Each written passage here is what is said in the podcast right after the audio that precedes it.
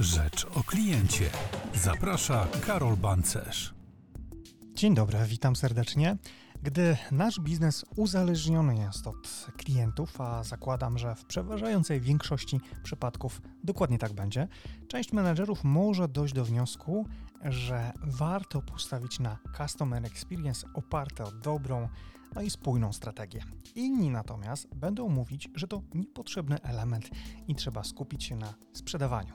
Można nawet zaryzykować stwierdzenie wciskaniu. Takich raczej nie przekonamy do CX-u, ale może się okazać, że to właśnie oni będą odpowiedzialni za istotny element budowania doświadczenia klienta, które zaprojektowane został przez Ciebie lub Twój zespół. Dlatego tak ważne jest budowanie we własnej organizacji szerokiego poparcia dla Twojego pomysłu i zrozumienia ze strony top managementu dla proponowanych przez Ciebie działań w obszarze CX-u. I dzisiaj o tym chciałbym Wam opowiedzieć. Ja nazywam się Karol Bancerz, a Wy słuchacie podcastu Rzecz o Kliencie. Karol Bancerz, pomysłodawca i wieloletni wydawca portalu ccnews.pl. Od ponad 15 lat dostarcza na rynek w Polsce informacje o szeroko rozumianej obsłudze klienta. Autor niezliczonej ilości opracowań i artykułów branżowych. Ekspert i gość programów radiowych oraz telewizyjnych. Specjalizuje się w biznesowym wykorzystaniu sztucznej inteligencji, efektywności i optymalizacji procesowej w zakresie obsługi klienta. Gdy próbujemy przekonać niezdecydowanych, czy nawet opornych na nowe pomysły menedżerów, sięgamy po argumenty finansowe. Dlatego pierwszym krokiem, argumentem w przekonaniu innych powinien być argument zwrotu z inwestycji. Warto więc budować własny business case i pokazać zwrot z inwestycji ROI z wdrożenia CX-u. Na początek wystarczy przedstawić dane: ilość klientów, średni przychód na klienta i aktualny wskaźnik retencji. Jeśli na danych historycznych uda się Tobie wskazać, ile naprawdę kosztuje 1% wskaźnika retencji i udowodnisz w ten sposób, że można było pracować nad tym 1% przynoszącym dodatkowy zysk dla Twojej firmy wynoszący, no dajmy na to x% procent więcej.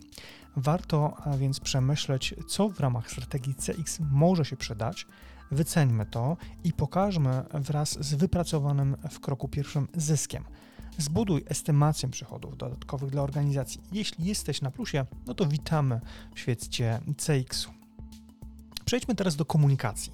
Mamy wiele języków na świecie. Mamy chiński, angielski, niemiecki, hiszpański, suahili i tysiące jeszcze innych. Ale jest jeden język, bardzo ciekawy. Jego logika jest zawsze ta sama, różni się tylko słowami, akcentami, dźwiękami. Czyli tak naprawdę, no niestety, nie do końca wszystkim. Logika jest wspólna. I to właśnie jest język biznesu. I to nieprawda, że biznes mówi o dobru klienta, o wadze jego doświadczeń i świecie emocji. On mówi o zyskach, kosztach, amortyzacji. O CX-ie zacznij mówić jako o procesie zwiększającym sprzedaż, zwiększającym zyski. Zadowolony klient kupuje więcej i poleca częściej. Taki klient jest bardziej lojalny i częściej rekomenduje. Poprawia się więc wskaźnik retencji. To są prawdziwe pieniądze. Możesz też mówić o minimalizacji kosztów. Mniejszy czern, mniejsza rotacja pracowników, no bo przecież rekrutacja też kosztuje, tańsze pozyskanie klienta dzięki właśnie tej wspomnianej przeze mnie przed chwilką rekomendacji, optymalizacja kosztowych procesów na rzecz automatyzacji poprzez na przykład mm, pełną personalizację w oparciu o roboty. W tym języku magią są liczby i to te najczęściej, które wyrażają stan konta. Inspiracje w obsłudze klienta. Gdy i tu zawodzi, powołał się na argument, bo konkurencja robi to lepiej i już na tym zyskuje, naszym kosztem. Tutaj przydadzą się nam benchmarki. Jeśli jednak działasz na rynku duopolu, sprawa jest bardzo prosta. Porównujesz jedynie swoje straty i wiesz, że zyski ma konkurencja. Możesz też oczywiście posiłkować się na, branżowych trendach czy case study innych firm. Sporo takich przykładów znajdziesz w branżowych mediach. Ja polecam oczywiście swoje ccnews.pl. Sednem działań wdrożeniowych CX-a w organizacji e, nie jest e, zażyła przyjaźń z prezesem, chociaż e, może i to ma znaczenie ale tak naprawdę jest ważna rozmowa z innymi. Rozmowa, która jest pozbawiona emocji uprzedzeń. Wysłuchaj więc głosu przeciwników, nie dyskutuj, niech będzie to dla nich 5 minut na scenie. Porządnie przygotuj się do obalenia ich argumentów. E, I pamiętaj, im bardziej emocjonalnie podejdziesz do tematu, im szybciej przejdziesz do kontrofensywy, będzie to dla ciebie szybsza i boleśniejsza porażka. Przygotuj dane, statystyki, analizy.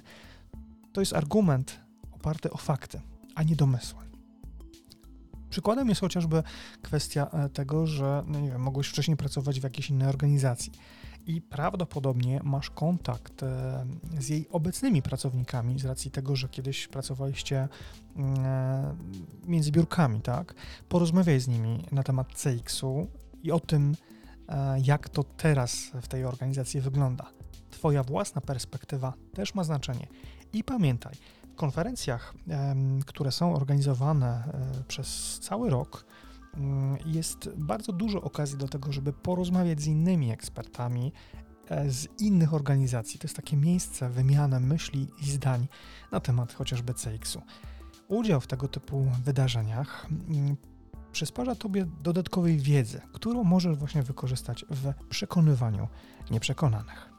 Kolejną, e, kolejnym Interesującym też elementem, który myślę, że wpłynie na zebranie argumentacji e, mówiących czy przekonujących do tego, żeby wdrożyć CX, jest e, wykorzystanie e, głosu klientów. Możesz oczywiście zaproponować przeprowadzenie pogłębionego wywiadu z wybranymi klientami. Dzięki temu będziesz mógł, mogła przedstawić ich głos jako poparcie swoich idei. Dobrym pomysłem jest też zorganizowanie dnia w obsłudze klienta. To takie wydarzenie, w którym menedżerowie średniego i wyższego szczebla, którzy na co dzień nie zajmują się klientami, mogą usiąść na słuchawkach w contact center. Hmm, oczywiście w ramach tej grupy zaproś też tych, tych niezdecydowanych na CX. To jest bardzo istotny element, bo oni będą mogli się skonfrontować z głosem klientów. Warto oczywiście też sięgnąć do danych, które dysponuje organizacja w systemach np. Contact Center. Możesz przesłuchać nagrań, przeanalizować maile. To też dobry pomysł. Pokażesz w ten sposób, co myślą i mówią o Twojej marce i doświadczeniach z nią związanych Twoi klienci. Zaczynaj od małych kroków, bo może taką powiem historię, ale to pewnie sam przetestowałaś, sama przetestowałaś. Przypomnij sobie, jak wybierałaś kolory farby do sypialni. Próbka to próbka, a kolor na ścianie wygląda nieco inaczej. Dokładnie tak samo jest z CX-em. Idea zapisana na papierze może wyglądać nieco inaczej w rzeczywistości. Dlatego warto wybrać jakiś mały proces w organizacji i na nim dokonać zmian w oparciu o naszkicowaną wcześniej strategię CX wprowadzone tam usprawnienia może w wydatny sposób pokazać, że znamy i, i, i zmiany, które chcemy w ramach tej strategii wprowadzić, mają sens. Jeżeli widać tam poprawę, to prawdopodobnie ta strategia będzie pasowała mm, również w pozostałych obszarach, które sobie zaprojektowałaś. To oczywiście tylko kilka porad, jak przekonać nieprzekonanych. Pamiętaj, że tylko ten się nie myli, co nic nie robi, ale bez nic nie robienia człowiek nie wylądowałby na Księżycu. Zostawiam Was z tą myślą do kolejnego odcinka podcastu Rzecz o Kliencie. Do usłyszenia za tydzień. Odwiedź stronę ccnews.pl oraz zajrzyj na media społecznościowe.